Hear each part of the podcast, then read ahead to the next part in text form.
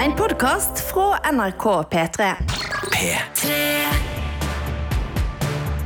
Dette er Filmpolitiets podkast. Velkommen til Filmpolitiet med Sigurd Vik, Birger Vestmo og Ingvild Dybfest Dahl. Comebacket står øverst på plakaten i denne episoden. Nærmere bestemt den typen comeback som skjer når en populær filmserie eller TV-serie gjenopplives for en ny runde. Den en gang Emmy-rekordvinnende komiserien Frasier gjør nemlig comeback eh, denne uka, nesten 20 år etter siste episode, og nesten 40 år etter at psykiateren Frasier Crane ble unnfanga i barkomedien Cheers.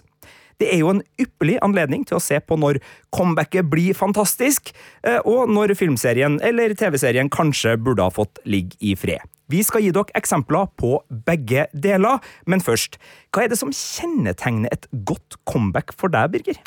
Ja, det er jo en film eller en serie som tar tak i alle de kvalitetene som gjorde den originale filmen eller serien så god, som samsvarer med våre forventninger, og kanskje bygger videre da på det universet som filmen eller serien en gang utvikla. Og um, et par eksempler på det kan jo eksempel være Tron Legacy, som uh, mange år etter den første Tron kom som en overraskelse på de fleste, og gjorde nettopp det. Gjorde ære på det stilistiske uttrykket i den første, samtidig som den utvikla det med all den moderne CGI-teknologien som har blitt oppfunnet i mellomtida, samtidig som den viderefører historien fra den første filmen. Så kan du jo også peke på eksempel Indiana Jones. Jeg var jo en av de som likte Krystallhodeskallens rike, som kom ca. 16 år etter den tredje filmen, og jeg syns jo at den ivaretok sjarmen og spenninga og mystikken da fra de tre første klassiske Indiana Jones-filmene, sjøl om jeg vet at enkelte syns at det, det sklei litt ut i Krystallhodeskallens rike, men det er en annen diskusjon.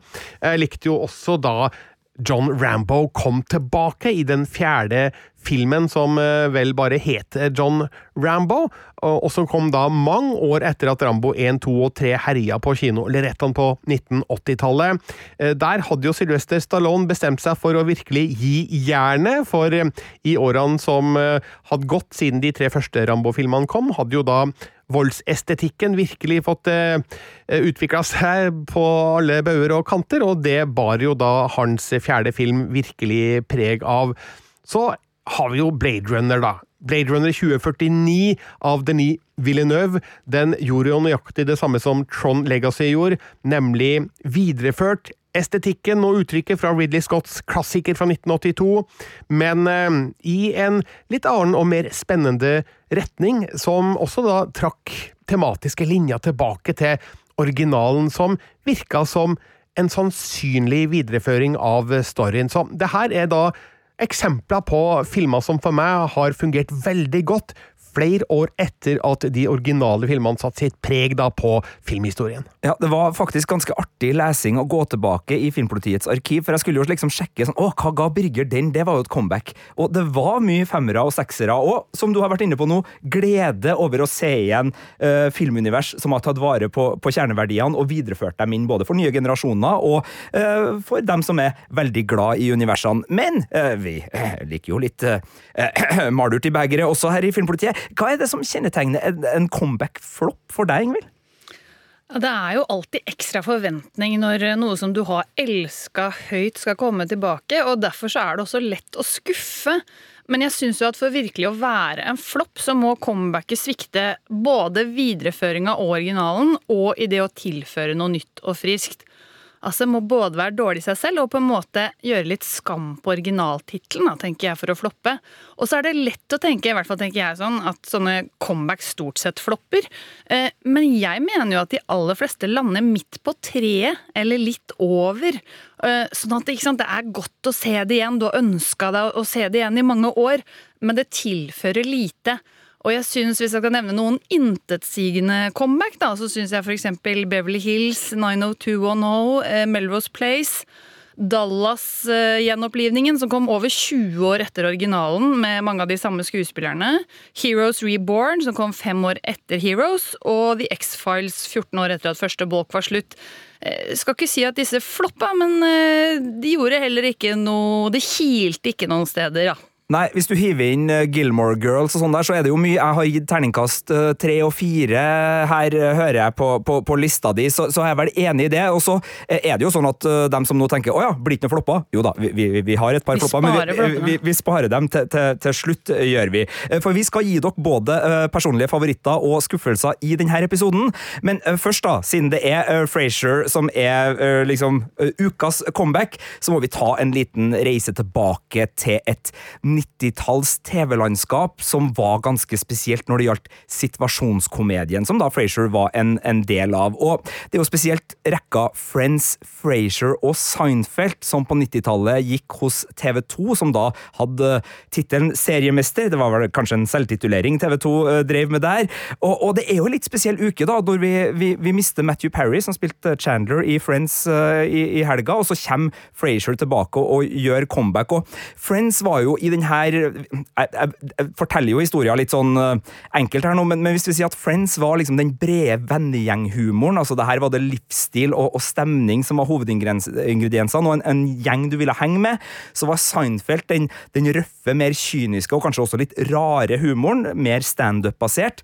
Og så kom da Frasier fra den veldig folkegjære 80-tallskomedien Cheers som en figur derfra, rett av barkrakken og inn i Seattle og var en mer voksen situasjonskomedie som spilte veldig på sånn gjenkjennelige konflikter mellom høykultur og lavkultur, mellom snobberi og det folkelige, og starter jo da i pilotepisoden allerede med faren Martin Crane, som skal komme inn og bo hos sin sønn, som har en sånn skikkelig gammel og slitt lenestol, en grønn sak som han drar med seg inn i sin sønns veldig sånn designorienterte nye penthouse-leilighet i Seattle, og sier at den er god å sitte i, her skal jeg sitte og drikke øl og se sport, og Frasier bare nei, den passer jo ikke inn, jeg har jo en eklektisk stil, og så videre.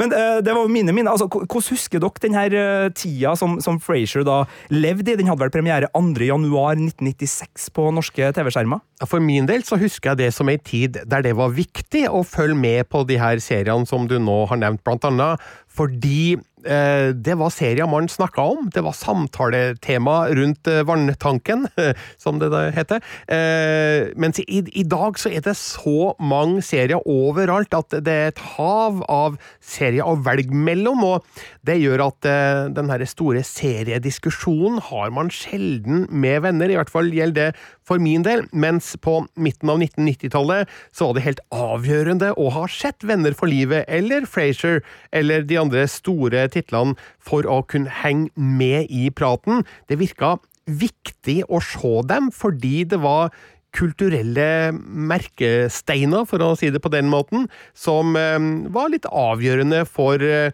ja, vår oppfatning av samtidskulturen, rett og slett. Ingvild, hva med deg? Eh, Jeg var nok mest i Friends-segmentet. Jeg husker jo at det var noe man bare satt og så på. Men det er jo som Birger sier, i og med at det på den tiden kom en episode av uka, så ble, i uka, så ble det jo mer en sånn ting som man så fram til og faktisk gledet seg til når neste bolk skulle komme. Men det skal jo sies at selv om jeg ikke fulgte aktivt med på de andre seriene, så er det jo sånn Du kommer jo ikke unna å vite hva The Soup Nazi er. Altså det er noen referansepunkter da fra den tiden som, eh, som, som har vart inn i vår tid, og som du nesten må vite hva er for å kunne følge med også i dag. Ja, og det, det var jo litt sånn, Jeg skal ikke si at det var kulturkamp i gata, men jeg husker jo at det var litt sånn, det var jo en del som likte enten-eller. Altså, Jeg hadde venner som bare likte Seinfeld av de her tre, og som syntes du var litt eh, kanskje eh, ikke helt på ballen hvis du, hvis du elska Frasier, da, så, så det var jo noen, noen motsetninger her òg. Men, men Frasier er vel kanskje den minst kjente av de tre i dagen, for du snakker jo om liksom sånn eh, meme-kvalitetene fra Friends og, og Seinfeld med Soup-Nazi og, og lenestoler som smelles opp. De har jo levd veldig godt på internett, men, men Frasier har kanskje vært litt i, i uh, mindre framtredende der. Og uh, et comeback nå, etter nesten 20 år, er jo litt spesielt, for det her, jeg, jeg satt og så gjennom sånne gamle Emmy-lister, og de tre seriene var liksom til stede på ganske mange sånn det her er de nominerte for beste komiserie, og så vant da Frasier fem år på rad eh, fra 94 til 98, var det vel, og, og dominerte jo uh, veldig i den tida. Og det var en, en serie som traff tidsånden med, med ganske mye, både fordi at den da uh, tok et 90-tall hvor de bytta ut baren i Chairs med liksom lattegenerasjonen som skulle sitte på kafé i Seattle. Det var radiopsykiater, og det er klart radiofolk liker jo radiopsykiater Frazier Crane som var hovedpersonen. I'm listening var hans catchphrase. Og det var en, en serie som også liksom gjorde noe med de kulturforskjellene eh, mellom høykultur og lavkultur på en måte som i hvert fall jeg, når jeg har sett igjen både originalserien og den nye serien nå, føltes veldig mye mer relevant på 90-tallet og starten av 2000-tallet enn det gjør i dag. For når Frasier gjør comeback, så er det veldig tilbakeskuende, veldig nostalgisk og veldig likt det Frasier var på 90-tallet, og det er vel grunnen til at jeg bare kan si det med en gang. Comebacket får terningkast tre. Det er ikke dårlig. Kelsey Grammer er en glimrende skuespiller, og øh, Frasier Crane er en rollefigur som, som tåler å også bli gammel. Men eh, rundt han så er serien av dårligere kvalitet når det gjelder birollegalleri, og det er så mye gamlemodig og forutsigbart og formulaisk i oppsettet her at det er mest for de som allerede er veldig glad i Frasier. Veldig kort om handlinga. Han flytter tilbake til Boston, hvor også Cheers foregikk, for å bli Harvard-professor på gammeldagene. Han har blitt rik og berømt, hadde eget TV-show og sånn i mellomtida siden vi så han sist.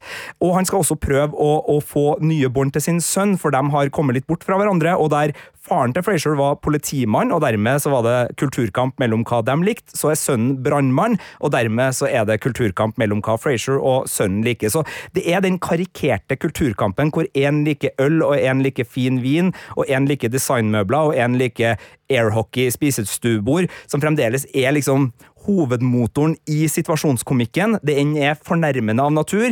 Det er godlynt, det er trivelig, men det er ikke veldig spisst og relevant, og som du sa, Birger, vi lever i en helt annen TV-tid nå. Det her er strømmetida, vi har utrolig mye å velge imellom, og der Frasier dominerte eh, Emmy-utdelingene på 90-tallet og starten av 2000-tallet, så syns jeg ikke vi skal se eh, denne nyinnspillinga når eh, Emmy-prisene skal deles ut i januar. Nei, altså jeg skjønner jo hvorfor Frasier var så populær i prissammenheng på 90-tallet, fordi det var en mer voksen og sofistikert humor og tematikk da enn kanskje Venner for livet hadde, som eh, kanskje talte eh, mer til de eh, sannsynligvis voksne eh, medlemmene som stemte på disse prisene den gangen, da.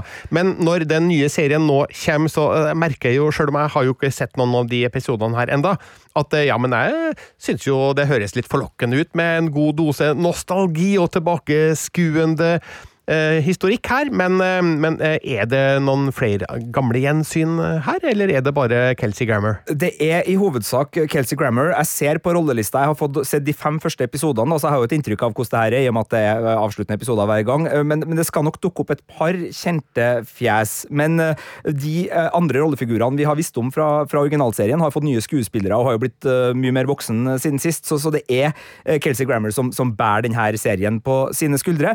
Fordelen da, for et mulig nytt publikum er at Harvard-universitetet tilbyr både en veldig sånn fin og lun kulisse. Altså maken til eh, mahognibord og ærverdige forelesningssaler skal man jo lete lenge etter, og det er en veldig fin kulisse å, å være i. Og det tilbyr jo universitetsperspektivet, som plutselig da gir Frazier mange yngre eh, å bryne meningene sine på, for han er jo fremdeles den som skal løse problemene våre med relativt eh, elementære eh, psykiatriske løsninger, da. Si han som ikke kan noe om psykiatri, beklager det, jeg brukte vel ordene feil til og med. Altså, I den originale serien så hadde jo Frasier Crane et radioprogram, eh, som vi så klipp av i de fleste episodene, i hvert fall. Har han noe sånt i den nye Frasier-serien? Nei, Han har akkurat runda av sin TV-karriere. Frykter at han har mista seg sjøl litt, så det er derfor han tar denne professorstillinga, Ah, sånn at han kan gi tilbake til ungdommen, Birger. Akkurat som vi i Filmpolitiet gir til Ok, jeg stopper der. Men. Like greit, kanskje, fordi noe som irriterte meg Det her blir veldig radiofaglig, da. Det som irriterte meg i den eh, originale serien, var at når Frazier Crane hadde radioprogrammet sitt, så avslutta han programmet bare når det passa han, uten noe et eneste Uten et eneste blikk på klokka, og vi som jobber med radio vet jo at vi er nødt til å holde godt øye med klokka når vi skal gjøre oss ferdig med dagens radiosending. Jeg kan jo si at eh, som en som ikke jobba med radio før nå, eh, aldri la merke til det i eh, Den er å få sett på Sky Showtime, der ligger jo også originalen. Og jeg kan si at i pilotepisoden så blir det du, det du klager på der, adressert litt av hans produsent Ross, som sier ja, uh, Frazier liksom strekker seg opp og sånn Yeah! Det, det gikk jo kjempebra, gjorde ikke det? Og hun bare sånn Ja ja, hvis du mener uh, fire minutter stillhet på lufta, uh, tre avbrutte innringer, og at vi egentlig var ferdig med programmet for 20 minutter siden, og du bare har snakka inn i en tom mikrofon nå, så, så, gikk det jo kjempebra. Så, så det var litt radiofaglig i starten okay. der. Jeg har kanskje glemt akkurat den pilotepisoden. Det er lov, men den ligger også da på Sky Showtime for dem som eventuelt fikk lyst til å sjekke ut både gammel Frazier og comeback Frazier. Terningkast tre var altså det, og et godt eksempel på det du sa, Ingvild. Veldig mange, spesielt på TV-fronten, av disse comebackene er ikke topp, de er ikke flopp, de er litt sånn meh. Eh, så eh, det er det. Men nå skal vi ikke snakke mer om meh, nå skal vi snakke om det som er topp, det som er flopp. Og eh, her snakker vi da også om såkalte revival comeback. Det har dere kanskje skjønt. Nå, Vi snakker ikke om remaker eller rebooter, det kommer vi sikkert til å gjøre i en kommende episode, men vi holder oss til de universene, enten på film eller TV, som, som fortsetter etter at det har gått ei god stund. Og på favorittcomeback, altså toppsida. Birger, du skal få start. Hvor skal vi hen da? Vi skal til en film som kom i eh, fjor, altså i mai 2022. Top Gun Maverick, som da kom en god del år etter den første Top Gun. Den beste av Nei, De beste av de beste var vel den norske undertittelen på den. 1986 var året da filmen eh, ble utgitt for første gang i USA, i hvert fall. Husker ikke helt når norgespremieren var. Mulig det var samme høst eller tidlig neste år, men uansett, jeg var 16 år da jeg så den første Top Gun, og dere vil jo ikke ane, dere som ikke har opplevd 1986-87, hvor viktig Top Gun var i populærkulturen den gangen. Det gjaldt både Tom Cruise, som ble superstjerne omtrent over natta pga. Top Gun. Det gjaldt um, pilotbrillene han brukte i store deler av filmen. Det gjaldt musikken, som var en viktig del av suksessen. Soundtracket solgte jo millioner av eksemplarer, blant annet med Take My Breath Away og Highway to the Danger Zone, og låter som de som har sett filmen, husker veldig, veldig godt. da.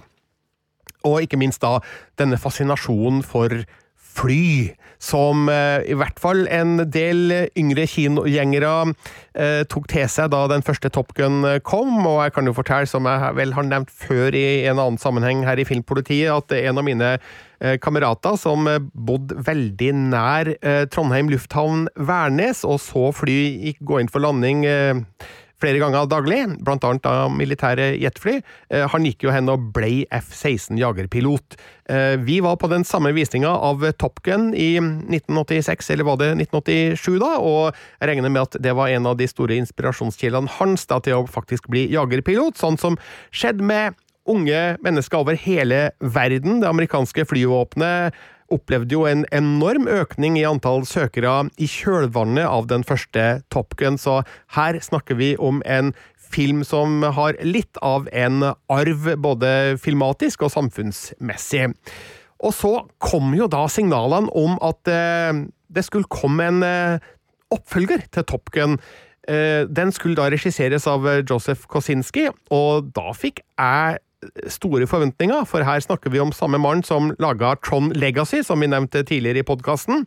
En uh, eh, uventa god oppfølger av den originale Tron fra 1982, som regnes som en uh, av de aller viktigste science fiction-filmene fra det tiåret.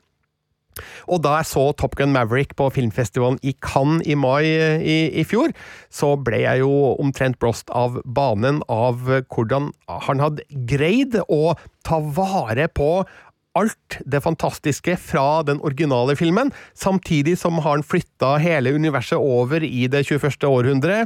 Eh, driv historien fremover, gir oss en ganske troverdig versjon av Pete Maverick Mitchell, igjen spilt av Tom Cruise, som for øvrig ser ut som han har blitt eh, ca. tre år eldre fra den første Top Gun-filmen. Det er nesten skummelt. Eh, og den, den er helt klart plassert i en moderne kontekst, men samtidig så passer den på hele veien, og pirk i den her nostalginerven som i hvert fall er veldig godt utvikla hos, hos, meg. Altså, til og med de gamle Tomcat eh, F-14-flyene fra den første filmen, de, de, er jo selvfølgelig helt utdatert i dag, og er vel kanskje ikke i bruk lenger, uten at jeg skal være veldig skråsikker på det, men til og med et av de flya får vi jo da en troverdig inklusjon av i Top Gun Maverick, som er kalt en luftig adrenalinfest av de sjeldne da jeg anmeldte filmen i Cannes. Jeg ga den terningkast fem, og um, kan vel muligens si at det er en av de filmene jeg angrer litt på. Jeg skulle kanskje gått et hakk opp der, fordi jeg har sett Top Gun Maverick eh, to ganger til i etterkant, og gud bedre for en god underholdningsfilm eh, det er. Jeg kan knapt tenke at den kunne vært gjort noe bedre. Eh, den, den tar altså vare på arven etter den første Top Gun, samtidig som den er en fantastisk underholdningsmaskin for et moderne publikum, og du trenger ikke engang å ha sett den første filmen for å få fullt utbytte av historien i den andre, sjøl om du selvfølgelig må se den originale Top Gun, for det er helt essensielt å få med seg den som en uh, viktig del av moderne filmhistorie. Så Top Gun Maverick den kan jeg gå god for. Det er altså terningkast fem minst, kanskje litt mer, og den gjør alt riktig i forhold til å gjøre et comeback til en, en film som har en såpass høy posisjon i popkulturen som det den første Top Gun har. Ja, og bare for at jeg liker at Birger Vestmo skuler på meg lenge, eh, mens Ingvild nå skal få snakke, så skal jeg medgi at jeg har ennå ikke sett eh, Top Gun eh, Maverick. Men det skal jeg selvfølgelig få gjort noe med Birger.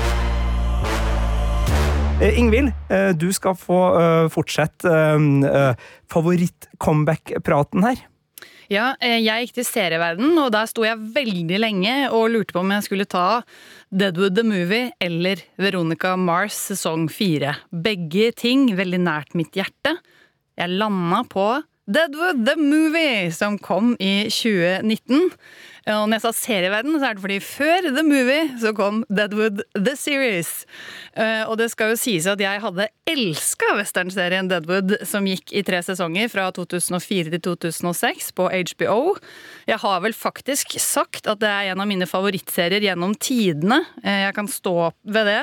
Den er skapt av David Milch. Og der spiller Timothy Oliphant, som senere også utmerket seg som eh, lovens langfingrede arm i Justified, og som Marshall i Mandalorian. Han spiller sheriff Seth Bullock, belastet med moral, kan vi si, mens Ian McShane briljerer som hans nemesis, saloon-eier og generell bad guy Al Swearingen. Cocksucker. Men nå skal vi ikke dykke ned i detaljene her. Deadwood på det litt større planet handler om kampen for å bygge en sivilisasjon på tuftene av en gullgraverleir på slutten av 1800-tallet. Og serien har jo et veldig fargerikt kan vi si, persongalleri som er basert på historiske personer, noe som jeg syns gjør det ekstra interessant. Eh, da kan man i hvert fall nå til dags sitte og google samtidig som man ser på. At, jeg mener jo ikke at du skal distrahere deg, men eh, du kan gjøre det etterpå.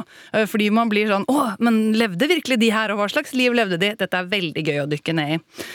Og serien var jo tilsynelatende en suksess, i hvert fall så lenge den gikk rett etter Sopranos sesong fem. For dette var jo den gang ting hadde sendetid. Eh, men i 2006 så kom altså beskjeden om at den ikke kom til å fortsette.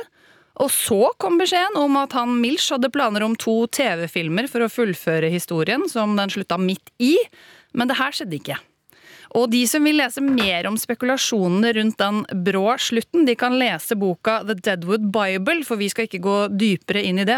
det blir en egen podkastepisode. Men det, det som er sikkert, er at det ble en veldig, altså veldig brått og stort tomrom for alle Deadwood-fans. Og vi måtte vente lenge, fordi først i 2019, 13 år etter seriens slutt, så kom altså filmen Deadwood the Movie. Og Da var eh, David Milch tilbake som manusforfatter, og de fleste av skuespillerne var med på det som altså var ment å være denne slutten som vi var snytt for. Og filmen, som selvfølgelig gjerne skulle vart lenger enn to timer, vil jeg si, eh, den videreførte både den grove og særegne dialogen som Sigurd har vært inne på, og formspråket som helhet. Og fortellinga hoppa jo ti år fram i tid, eh, men eh, vi kan vel røpe såpass at det fremdeles var ganske mye lovløshet igjen å bekjempe for Seth og hans makker Sol. Og filmen får trekk for litt vel mye tilbakeblikk, når, spesielt når du bare har to timer. Eh, men den blir jo det, som Sigurd i sin anmeldelse kalte, en vemodig, vakker finale som består av deilig, skitten poesi helt til siste strofe. Og det syns jeg egentlig oppsummerer hvordan jeg opplevde å se den nå, for den var altså ja, deilig gjensyn, og ikke minst fikk man en slutt som føltes i hvert fall delvis verdig en serie man hadde elska mange år før. Og alle delene i denne Ville Vest-sagaen, for de som er interessert i enten bare den første eller Comeback òg, de ligger på HBO Max.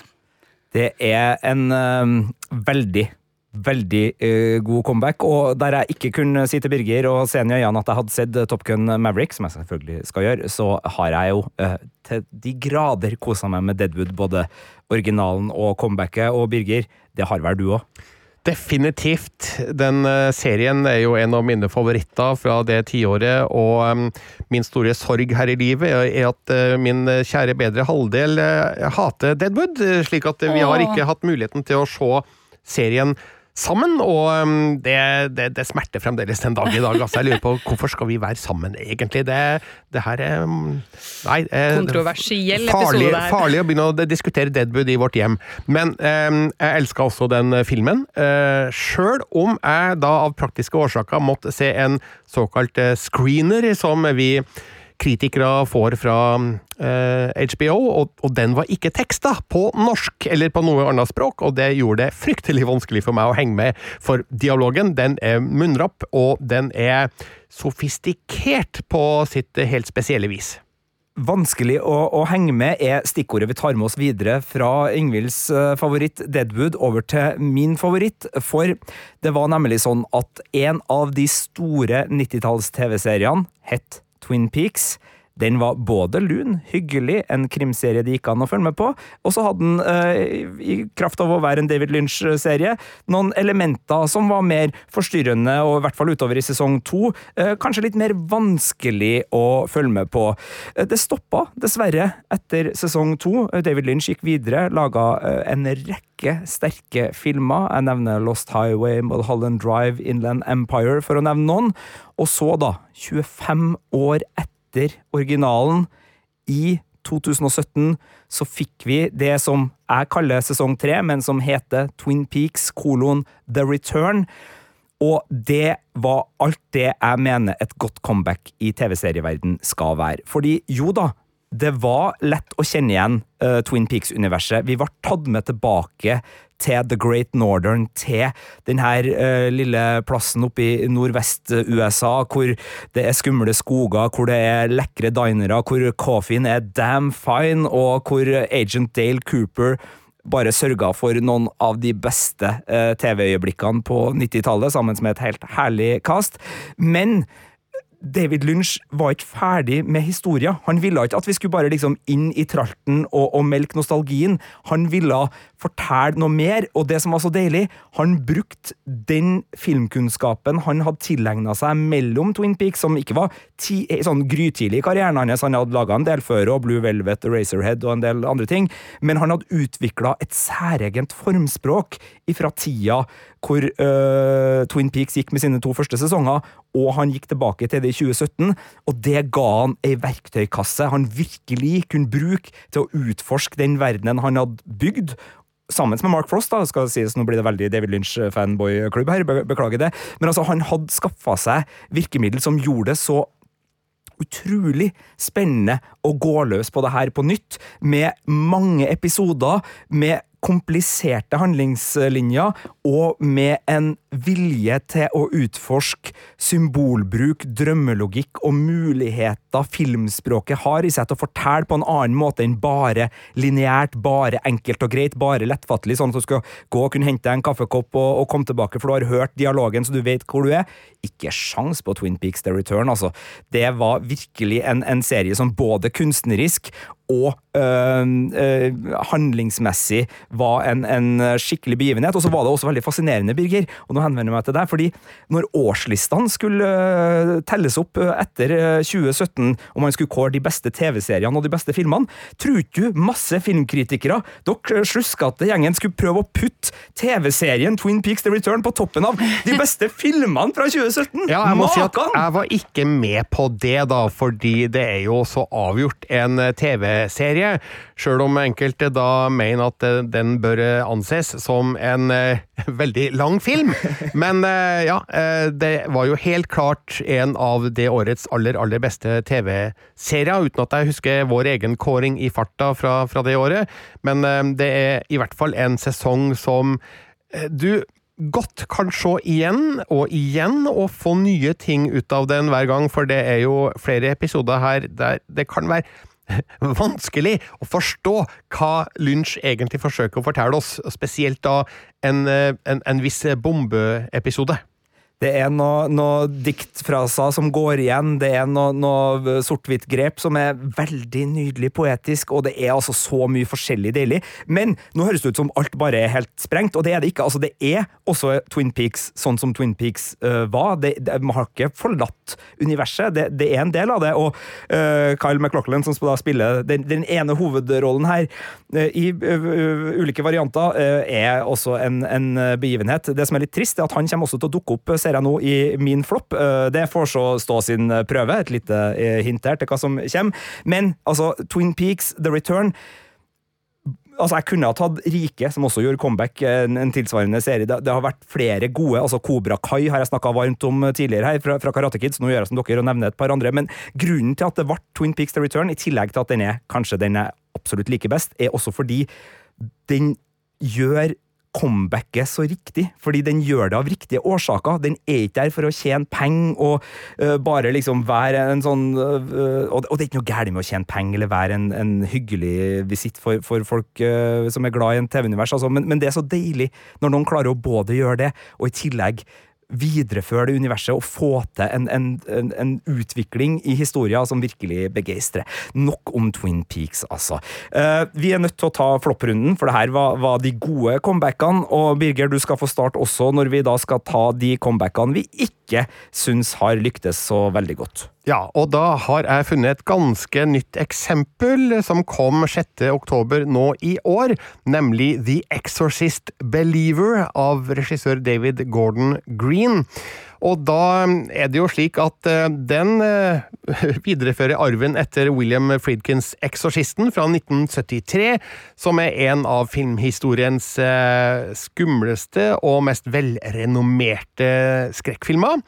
Og den starta jo egentlig hele eksorsismesjangeren, som jo har kommet og gått helt siden da.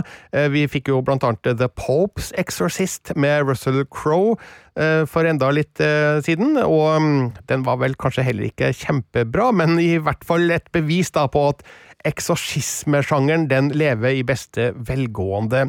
Og da det ble annonsert at David Gordon Green skulle komme med en ny eksorsistfilm, så var jeg jo i utgangspunktet positiv, fordi han gjenoppliva jo Halloween-serien ganske godt med tre filmer som kom mellom 2018 og 2022. Altså John Carpenters originale Halloween er jo også en av de aller viktigste i filmhistorien når det gjelder skrekkfilm, og som bør ses av all hver halloween. Har du sett Halloween eh, fra 1978 nå i år, eh, Sigurd? Ikke nå i år, men, men den har jeg eh, sett, da, så, så det, det, der kan jeg i hvert fall svare ja. Men i hvert fall, da, da jeg så The Exorcist Believer, så ble jeg rett og slett skuffa. Fordi den, den er ikke særlig skummel, noe av den originale Eksorsisten fremdeles er. Det kan jeg skrive under på, fordi jeg så den nå veldig nylig.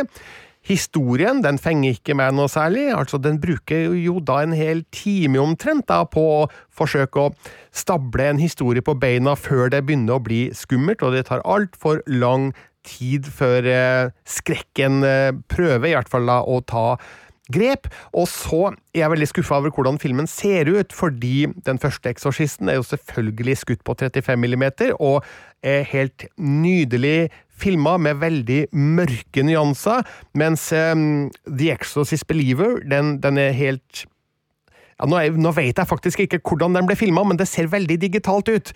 Og den har en veldig blass, kjedelig fargepalett, og belysninga er billig løst, kan det virke som, i hvert fall, da.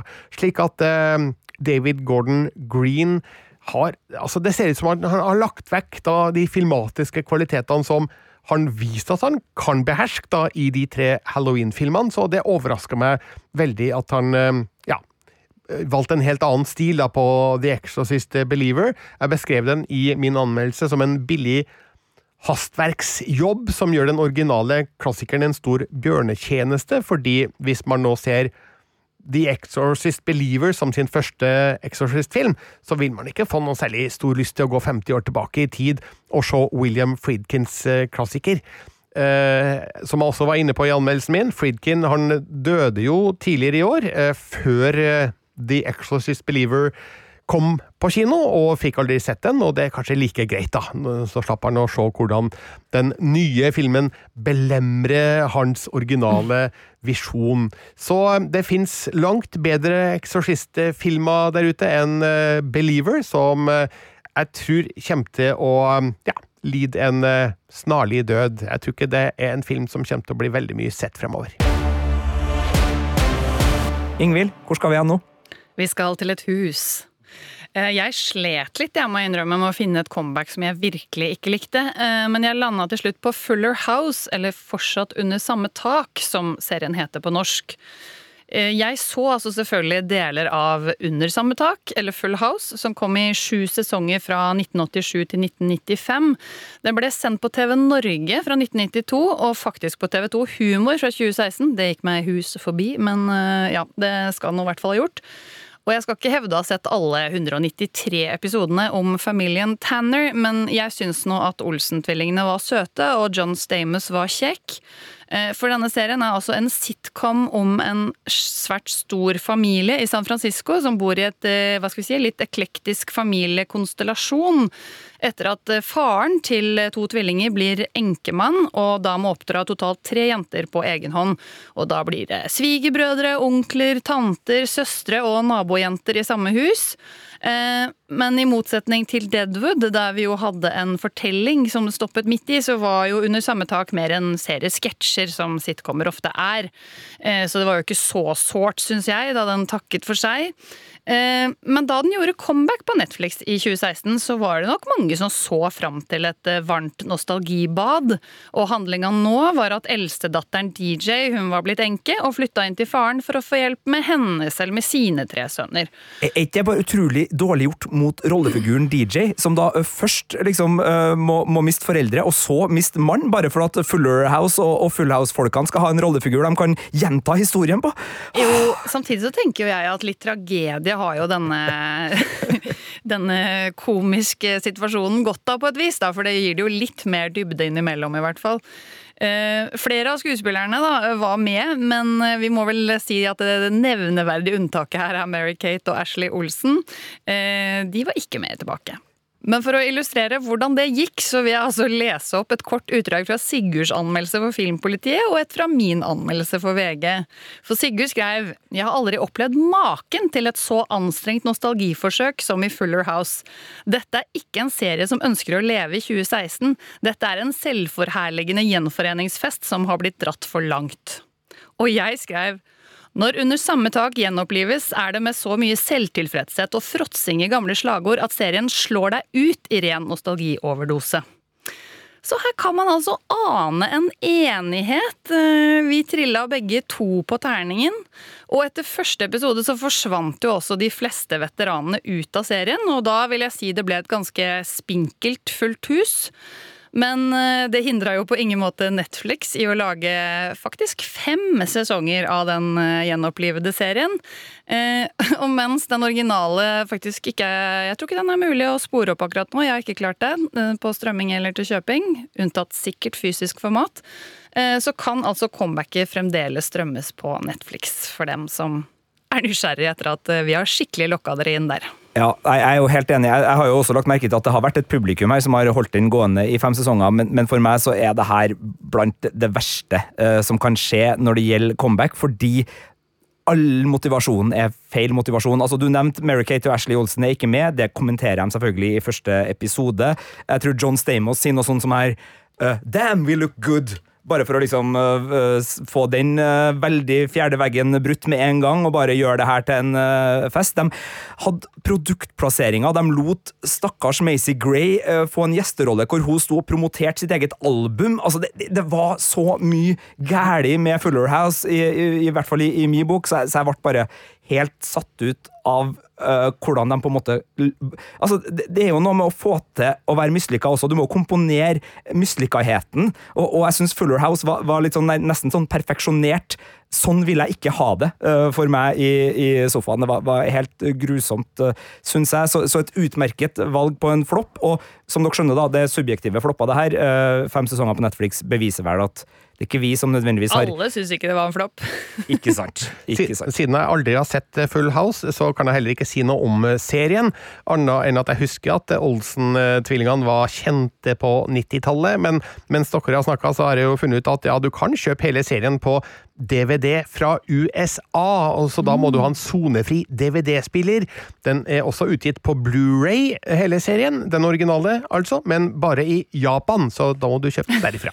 uh, ja. Uh, det, og, og det, og det er ikke nødvendigvis en anbefaling fra Filmpolitiet, det var mer en saksopplysning. Men Ja. veldig fint med, med muligheten, og, og originalserien er ikke så, så hest, altså. Og den syns jeg jo også altså, Den var jo tematisk interessant nettopp fordi at den putta en eh, annen familiekonstellasjon eh, foran et stort amerikansk TV-publikum, og det hadde en verdi. altså Det var, det var tre kamerater som skulle, som skulle oppdra en, en ungeflokk. Det var på den tida ja, det var på den tida i hvert fall eh, litt mer interessant, men, men å, å bare gjenta det samme en gang til Ja, ok, jeg skal, jeg skal roe meg ned, Jeg skal roe meg ned, for jeg skal jo snakke om en tilsvarende eh, har dårlig din egen flopp. Nå er det min egen flopp. Terningkast to ble det, altså, i hvert fall fra meg, på, på Fuller House, og det ble det jaggu også da en av mine favorittsituasjonskomedier fra midten av 2000-tallet eh, How I Met Your Mother, som gikk fra 2005 til 2014, eh, fikk et eh, comeback med en spin-off med en del av de samme rollefigurene i eh, 2022. How I Met Your Father, som Disney Pluss da servert, med um, Hilary Duff i hovedrollen, og den samme leiligheten, den samme baren til en viss grad, den samme kjenningsmelodien, og da masse gjesteroller fra originalgjengen i How I Met Your Mother, og ikke minst den samme fortellerstrukturen. Eh, Den klarte seg i to sesonger, den er nå kansellert. Eh, Det er helt greit. Eh, Men altså, How I Met Your Mother var en veldig sånn god på å ta tidsånden-serie, på sett og vis, da den kom på midten av 2000-tallet. Den handla om dating, og var på en måte en videreføring av det Friends hatt veldig stor suksess med et tiår tidligere. Eh, og, og det var liksom et knippe leiligheter og en vennegjeng på seks stykker som både var i relasjon med hverandre og var på utkikk etter kjærligheten, og den store strukturen rundt det her var jo at eh, det er en far som skal fortelle ungene sine en gang i framtida hvordan han møtte mora deres. Eh, og så dras jo det her ut da, sesong etter sesong, og vi tror jo sånn Det der må være mora! Nei da, det er jo ikke mora. Vi tror egentlig ikke det etter hvert, altså. Men det er en, en jevn strøm av dating og et rollegalleri som var ikke noe du ville ha uh, putta sammen i dag, tror ikke jeg. Barney Stinson, spilt av Neil Patrick Harris, eh, er blant annet en rollefigur som, eh, som var veldig på sjekkeren og hadde et eh, kvinnesyn og et menneskesyn som, eh, som selvfølgelig var karikert og, og gjort morsomt med vilje, men som How I Met Your Father egentlig bare bevist. Uh, noe man nå eh, vil eh, på en måte distansere seg fra, og det blir også gjort da i, i How I Met Your Father. Men det er altså det er det tristeste med sånne comeback, hvor du tar et kjent univers, du øh, gjentar alt som var suksess, men du gidder ikke å fylle med noe nytt. Du bare satser på at det er nok. Det er godt nok. Og er det noe som plager meg som en TV-titter som ser veldig mye serier, er når det er så veldig tydelig at de har ikke prøvd. De har bare gått for godt nok. Og det er vondt å gi terningkast én og to og tre hvis man liksom kjenner at sånn, å, her er det noen som virkelig har prøvd på noe, men de har ikke lykkes. Men når du ser det fra omtrent første bilderute, at det her er et kynisk ræl satt sammen for den enkle ligninga Hilary Duff pluss nostalgi er lik bra nok Fytti rakkeren, altså. Jeg ramla av barkrakken, det gjorde jeg ikke. Men altså sånn, jeg satt så matt tilbake i sofaen, både fordi at jeg selvfølgelig var investert i det her. Det er en serie jeg har sett om og om igjen. Det er en serie jeg bruker som selskap, altså originalen med, med How I Met Your Mother. Jeg, jeg liker den, den har god musikk, den hadde veldig teft på. Spilt Bell and Sebastian tidlig i episode tre. Hadde masse god indie-bruk, brukt Radiohead på fortreffelig vis. Var sår, hadde oppriktige relasjoner. Hadde Britney Spears i gjesteroller. Jeg digga han, og Carl McLarlin da, fra Twin Peaks. Her, her dukker han opp igjen som kapteinen, en rolle han også gjorde i, i originalen. Men det bare uff. Ja. Nei, jeg vil ikke snakke om det mer. Uh, Bokslatteren. Fytti rakkeren. Oh. Uh, ja. Uh, ikke se How I Met Your Father med mindre du virkelig må eller har brennlyst. Det var en klar terningkast to, nesten så jeg angrer på at den ikke fikk terningkast én. En dårlig etterligning var overskrifta, og for meg et comeback flopp. Så der har du oss. Uh, Frasier har altså gjort comeback på Sky Showtime uh, 20 år etter cirka uh, originalserien gikk seg ferdig. Den får terningkast tre og er helt grei. Elsker du Frasier, se nye Frasier. Likte du ikke Frasier, ikke se den. Har du ikke sett Frasier, ja, da går du kanskje ikke glipp av noe ved å la være. tusen takk for oss. vi i Filmpolitiet gjør selvfølgelig comeback med en ny episode neste uke. Du kan høre alle våre comebacks i appen NRK Radio. En podkast fra NRK. Hei, jeg heter Ingrid Waaler. Synes du Love Island er mer interessant enn Premier League? Ingen kommentar. Da er trash noe for deg. I'd like to know what's going on between Carly Kloss and Taylor Swift. Hver uke inviterer jeg deg og en gjest til å menge oss i all den deilige søplete popkulturen som finnes der ute. Hør Trash i appen NRK Radio.